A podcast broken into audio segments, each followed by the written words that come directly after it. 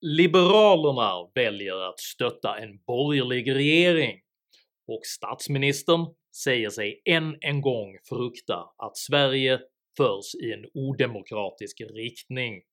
Jag heter Henrik Jönsson och jag är en oberoende libertariansk entreprenör och samhällsdebattör. På Liberalernas partiråd den 28 mars beslutade en överväldigande majoritet att partiet ska stötta en borgerlig regering vid nästa val. Frågan är känslig eftersom det borgerliga regeringsalternativet bygger på olika grader av samarbete med det nationalkonservativa partiet Sverigedemokraterna. Beslutet fick statsminister Stefan Löfven att utmåla liberalerna som ännu ett i raden av partier han fruktar ska äventyra Sveriges demokrati.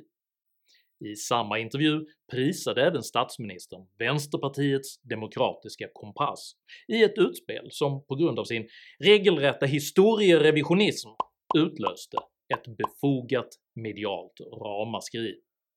Varför har reaktionerna på liberalernas beslut blivit så starka?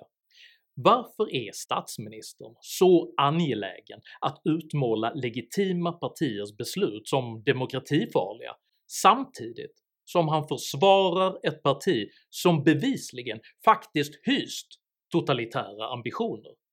Och vad händer med ett samhälle där den sittande regeringen utmålar oppositionen som demokratiskt illegitim? Och då är det fara färdig för vårt land. Dessa frågor tar jag upp i veckans video. Gillar du mina filmer så hjälper du mig att fortsätta kunna göra dem om du stöttar mig via något av betalningsalternativen här ute till vänster. Det är endast tack vare ert generösa stöd som jag kan fortsätta att producera nya aktuella videokrönikor varenda vecka, så ett stort stort tack till de av er som bidrar. Är du ny här på kanalen så kan du dessutom med fördel prenumerera här nedanför, se till att klicka på den där odemokratiska klockikonen, men fatta framförallt det ansvarsfulla beslutet att prenumerera på mitt veckobrev som finns länkat i videons beskrivning. På detta sätt missar du garanterat aldrig när jag publicerar nya filmer, vilket jag gör med demokratisk ansvarskänsla varenda lördagsmorgon klockan 08.00 svensk tid. Idag pratar jag om liberaler, lögner och om landets framtid. Håll till godo!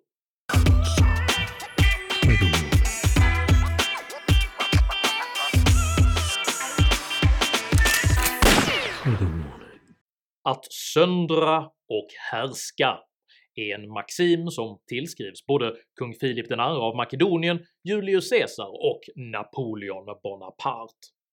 Kortfattat innebär denna strategi att etablera ett maktinnehav genom att bryta upp motståndet i mindre delar, vilka är lättare för en ledare att kontrollera. Det svenska partiet Liberalerna genomför just nu på flera plan ett söndrande med förhoppningen att kunna återvinna politiskt inflytande. Man bryter under ordnade former upp den olyckliga JÖK-överenskommelse som legat till grund för statsminister Stefan Löfvens andra mandatperiod, man bryter upp partiets interna låsning mellan höger och vänsterflank och man bryter upp den parlamentariskt förlamande beröringsskräcken gentemot Sverigedemokraterna. Även om liberalernas väljarstöd är mycket lågt innebär denna positionering potentiellt stora förändringar för hela det svenska politiska landskapet, och reaktionerna har därför förutsägbart haft seismiska proportioner. För att kunna förstå både de beslut som fattats och reaktionerna de nu ger upphov till är det nödvändigt att känna till det liberala partiets historia. 1902 etablerades det liberala partiets föregångare, Frisinnade landsföreningen, vilken kom att tjäna som riksorganisation för en hel grupp svenska liberala rörelser varav många åtnjöt ett stort stöd från frikyrkorörelsen. Det frikyrkliga stödet bidrog till liberalernas första splittring, då en konflikt rörande spritförbud år 1924 slet partiet i två delar vilket tio år senare slog samman igen i form av det moderna Folkpartiet. Den liberale partiledaren Bertil Ohlin förespråkade under 1940-talet idén om en fri ekonomi under socialt ansvar, vilket framgångsrikt positionerade Folkpartiet mitt mellan socialdemokratin och högerpartiet, och man åtnjöt därefter under stora delar av 1940-, 50 och 60-talet rollen som Sveriges största icke-socialistiska parti. Och i andra kammarvalet 1952 nådde Folkpartiet sitt bästa valresultat någonsin med hela 24,4% av de svenska rösterna, där socialdemokratin företrädde arbetarklassen och högerpartiet företrädde borgerligheten kom Folkpartiet att representera Sveriges svällande sektor av akademiskt skolade tjänstemän. Partiet utvecklade på grund av detta en självbild av att vara förnuftet och vetenskapens röst, något som både de jordnära arbetarna till vänster och de handlingsinriktade affärsmännen till höger snarare uppfattade som ett kamrersmässigt ältande och en lite smådryg “bror duktig”-mentalitet vilket får sägas vara en inte helt oäven beskrivning även av dagens liberaler. Under det aktivistiska 1960-talet anammade delar av folkpartiet under baneret “halmhattarna” en kulturradikal linje som gradvis pådrev en omfattande väljarförlust till det nystartade partiet Kristdemokraterna. Bortsett från enstaka partiledarfokuserade toppnoteringar under exempelvis Bengt Westerberg 1985 och Lars Leijonborg år 2002 har liberalernas väljarstöd under flera år varit dalande, och under de senaste två åren har väljarstödet legat cementerat väl under riksdagsspärren. Nischen “att vilja sammanföra fri marknadsekonomi och en stor socialstat” översvämmades under mitten av 00-talet då både socialdemokrater och moderater från varsitt håll rörde sig mot den politiska mitten. Detta tvingade det dåvarande folkpartiet att stärka sitt engagemang på båda flankerna för att kunna dämpa kannibaliseringen av det centristiska väljarunderlaget, vilket uttrycktes som att man önskade både mer frihet och mindre frihet samtidigt. När Sveriges migrationspolitik havererade i mitten av 2010-talet rämnade den socialliberala mittenplattform där nästan alla partier nyss hade trängts, och både socialdemokrater och moderater retirerade till sina respektive flanker i ett försök att dämpa den ömsesidiga väljarflykten till Sverigedemokraterna. Men liberalernas två jämnstarka internoppositionella flanker till både höger och vänster paralyserade partiet och omöjliggjorde alla försök att röra sig åt endera håll, vilket ytterst tvingade ner dem i en politisk motsvarighet till Jean-Claude Van Dammes “Most Epic of Splits”. I desperation valde man slutligen att släppa fram en socialdemokratisk regering på edikt med den överordnade prioriteringen att isolera Sverigedemokraterna från politiskt inflytande. På detta sätt avslutade Jan Björklund, som så sent som 2016 själv hade förfäktat en normalisering av relationerna med Sverigedemokraterna, sitt 12 år långa partiledarskap. Som konsekvens tappade partiet ungefär halva sitt väljarstöd. Men hade liberalerna tappat den andra halvan om de hade gått till höger istället för till vänster?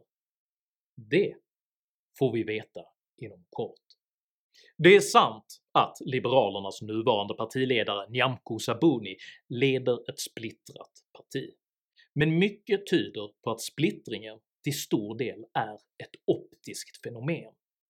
Den liberalpartistiska vänsterflanken är nämligen kraftigt överrepresenterad bland journalister och i Stockholms medietunga innerstad. Denna obalans kunde skönjas redan i partiledaromröstningen år 2019 där både medier och många socialliberala toppnamn tog sin egen kandidat Erik Ullenhag som på förhand given segrare. Resultatet blev något helt annat, och den öppet gökkritiska Nyamko Sabuni vann istället vad som rättmätigt kan kallas en jordskredsseger. Samma tendens uttrycktes i veckans partirådsomröstning, där medlemmarna med två tredjedels majoritet röstade för en borgerlig framtid för Liberalerna. Och därmed så finner jag eh, röstningen för avslutad. Med röstsiffrorna 59 mot 31 och en avstår så finner jag att vi har bifallit partistyrelsens förslag. Även föreställningen att partiet på grund av detta beslut skulle rasa samman av oerhörda massuppsägningar och inre slitningar är delvis ett optiskt fenomen. För majoriteten av de namn som nu avgår är positioner som sannolikt ändå inte skulle finnas kvar vid ett svagt valresultat, vilket innebär att de som ändå var på väg ut nu passar på att göra en dygd av nödvändigheten. Bilden av liberalernas interna konflikt som två jämnstarka halvor stämmer inte heller, för den svenska liberala rörelsen har djupa borgerliga rötter. Oavsett vad de socialliberala journalistiska kotterierna har för bild av verkligheten. Det är talande för denna optiska felkalibrering att Sveriges Televisions program Agenda valde en inramning där Sabuni förväntades försvara partiledningens demokratiskt välförankrade beslut inför en uppsättning interna meningsmotståndare. Ja, nu skulle vi ha haft Nyamko Sabuni här. Hon har varit inbokad sedan flera dagar tillbaka men hon hoppade av sin medverkan nu ikväll eftersom hon tycker tonläget är för högt och hon inte längre vill ställa upp i samma program som partikollegor som har röstat emot. Kan någon ens föreställa sig en omvänd situation där SVT exempelvis hade föreslagit att Centerpartiets partiledare Annie Lööf skulle stå till svars inför ett batteri av interna motståndare när man valde att släppa fram en socialdemokratisk regering. Istället får den tappra men repetitiva partisekreteraren Juno Blom agera slagpåse för partiets belackare. Vi har initierat en process, interna demokratiska processer. Processen måste få ha sin gång. Ska man tolka det som att det det som sker nu är en process? Vi har en ordnad intern process. Nu är det en process som pågår. Vi har en process innan processen är klar. Aldrig förhandla bort liberala värden. Aldrig förhandla bort liberala värden, aldrig kommer att förhandla bort liberala grundvärden. Aldrig förhandla bort liberal politik. Liberala kärnvärden kommer vi aldrig förhandla bort. Liberalernas kolossala process har alltså mynnat ut i den chockerande slutsatsen att man har liberala värden. Men även oaktat mediernas tröttsamma kampanjjournalistik kvarstår betydande och verkliga utmaningar för Liberalerna. En primär frågeställning gäller partiets trovärdighet inför de borgerliga väljare som eventuellt skulle kunna tänka sig att rösta på dem. Precis som Centerpartiet förlorade man nämligen mycket dyrbart förtroendekapital när man inledde ett samarbete med det socialistiska blocket efter valet 2018. Att det finns väldigt mycket besvikna kommentarer från högerhåll, det begriper jag.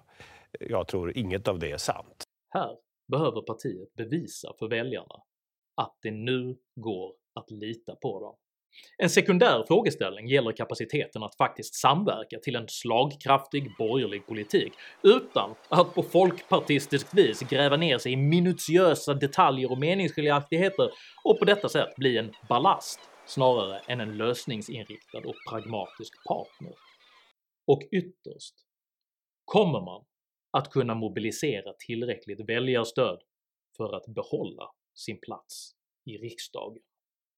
“Liten tuva skälper ofta stort lass” Så lyder ett gammalt ordstäv som påminner om att även mycket små förändringar kan rubba storskaliga maktallianser skulle Liberalernas stöd av högerblocket ge dem lite mer än en procentenhet nya röster är risken stor att det socialdemokratiska JÖK-systemet faktiskt faller i nästa val.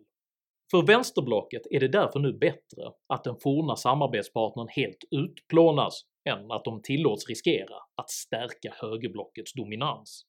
Av denna anledning går just nu vänsterblockets djupt misshagade ledarsidor man ur huse för att utmåla liberalerna som demokratins Judas Iskariot, med förhoppningen att de antingen ska återkalla sitt beslut eller bittert sluta sina dagar hängande i den populismens snara man knutit runt sin egen hals.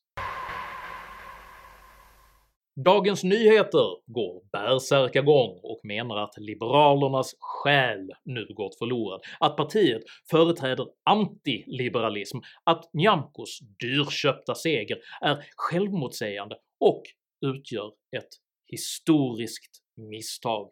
Till skillnad från alla de mästerliga beslut som lett till att partiet fått ett väljarstöd på 2,7% då, får man förmoda. Den kryptosocialdemokratiska lokaltidningen Sydsvenskan anser att partiet spelat allt för högt, kultursidorna känner en svacka i sin partirelation och tidningens omhuldade opinionsmatriark Heidi Avlan drömmer sig tillbaka till regeringen Reinfeldt med orden “Those were the days”. Kvällstidningen Aftonbladet är traditionsenligt betydligt trubbigare och fastslår helt kort att liberalerna drivs av sossehat och det finns inget skäl att rösta på dem. Eftersom hela JÖK-regeringens existensberättigande vilar på den överordnade ambitionen att hålla Sverigedemokraterna nominellt utan politiskt inflytande måste man nu inskärpa vikten av just detta ställningstagande inför en allt mer missnöjd och uttröttad väljarkår. Av denna anledning började Centerpartiet exempelvis bara minuter efter att liberalernas beslut hade offentliggjorts att annonsera för att vinna över eventuella missnöjda väljare under parollen “Ge inte makten till SD”. Längst av alla går dock naturligtvis socialdemokraternas nu institutionaliserade smutskastningskampanj men i sin iver att framställa alla som inte stöttar socialdemokraterna som demokratihot gick man faktiskt denna gång för långt. Och statsminister Stefan Löfven trillade istället själv ner i den grop av lögner han hade förberett åt liberalernas svekfulla demokratifiender. I både Dagens Nyheter och Expressen fastslår Stefan Löfven att han inte kan begripa att liberalerna vill lämna det socialdemokratiska regeringssamarbetet.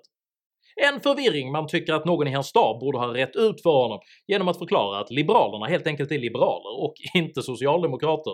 Statsministern valde sedan att fundera vidare kring demokratibegreppet och underkände i Expressen rätten till politiskt inflytande i paritet till väljarstöd under förevändningen att vad man står för är mer betydelsefullt än procenttal. Efter att ha etablerat denna svårkvantifierade demokratisyn gick statsministern utan att blinka vidare med att addera liberalerna till listan av partier som anses utgöra en fara för demokratin.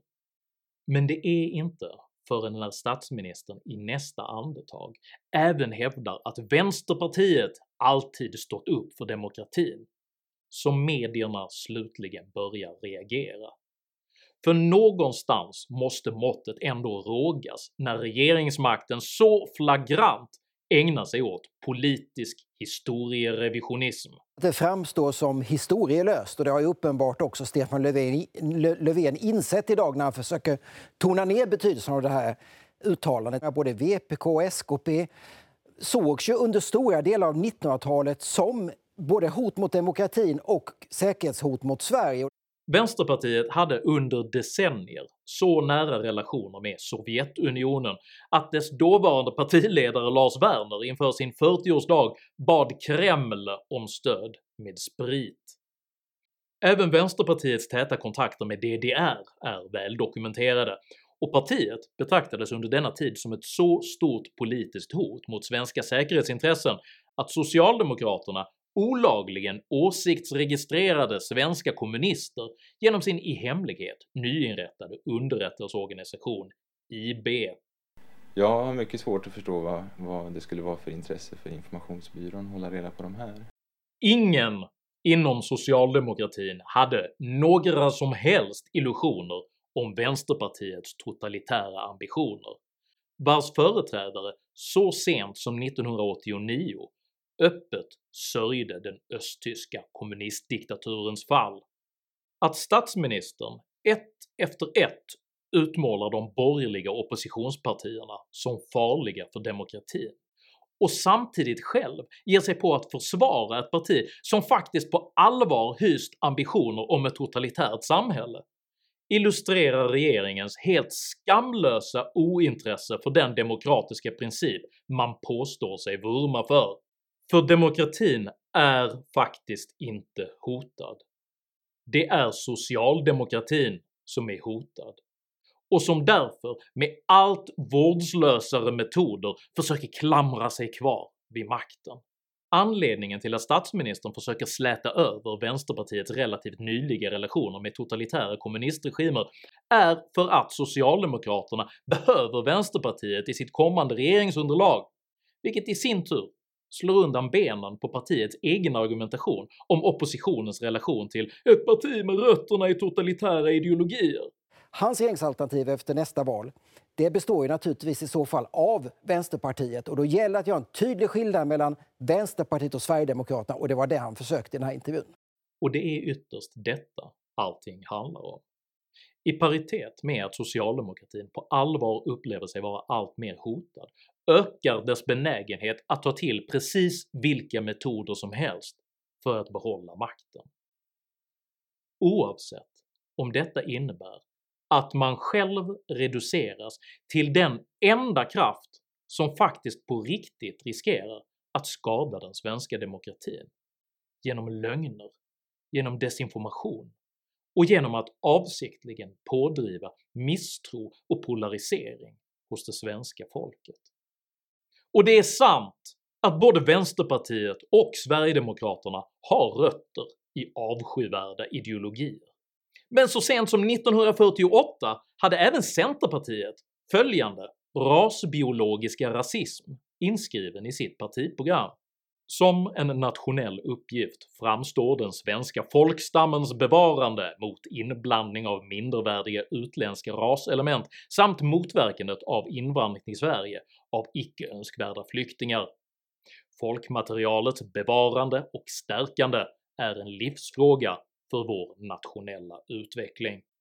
Och i samma veva finansierade socialdemokratin ännu vad Tredje riket ansågs vara världens främsta rasbiologiska forskningsinstitut. Detta var usla beslut, usla program och usla ideologier. Och ändå utgör inget av dessa partier på grund av sin historia idag något som helst hot mot Sveriges demokrati. Men att utan hänsyn till konsekvenser aktivt arbeta för att underminera folkvalda riksdagspartiers demokratiska legitimitet. En sån person, en sån organisation eller ett sådant parti skadar faktiskt den svenska demokratin. På riktigt. Tycker du det är viktigare att respektera politiska meningsmotståndares existensberättigande än att försöka behålla makten genom att underminera folkets förtroende för det demokratiska systemet. I så fall uppmanar jag dig att dela denna video med dina vänner. Och varför inte prenumerera på min YouTube-kanal när du ändå är i farten? Har du egna erfarenheter av smutskastning i samband med politiska slitningar? Dela i så fall gärna med dig av dina erfarenheter i kommentarsfältet här nedanför. Jag uppskattar all respektfull kommunikation. Tänk dock på att alltid vara artig. Jag accepterar inte aggression, personpåhopp eller rasism i mina idédrivna kommentarsfält. Tack för att du som kommenterar respekterar detta. Jag heter Henrik Jönsson och jag tror inte att det finns något svenskt parti vars rötter hotar demokratin. Men vilket parti som helst kan bli en demokratifara så snart det börjar sätta den egna makten före respekten för sanning och heder. Tack för mig och tack för att du har lyssnat.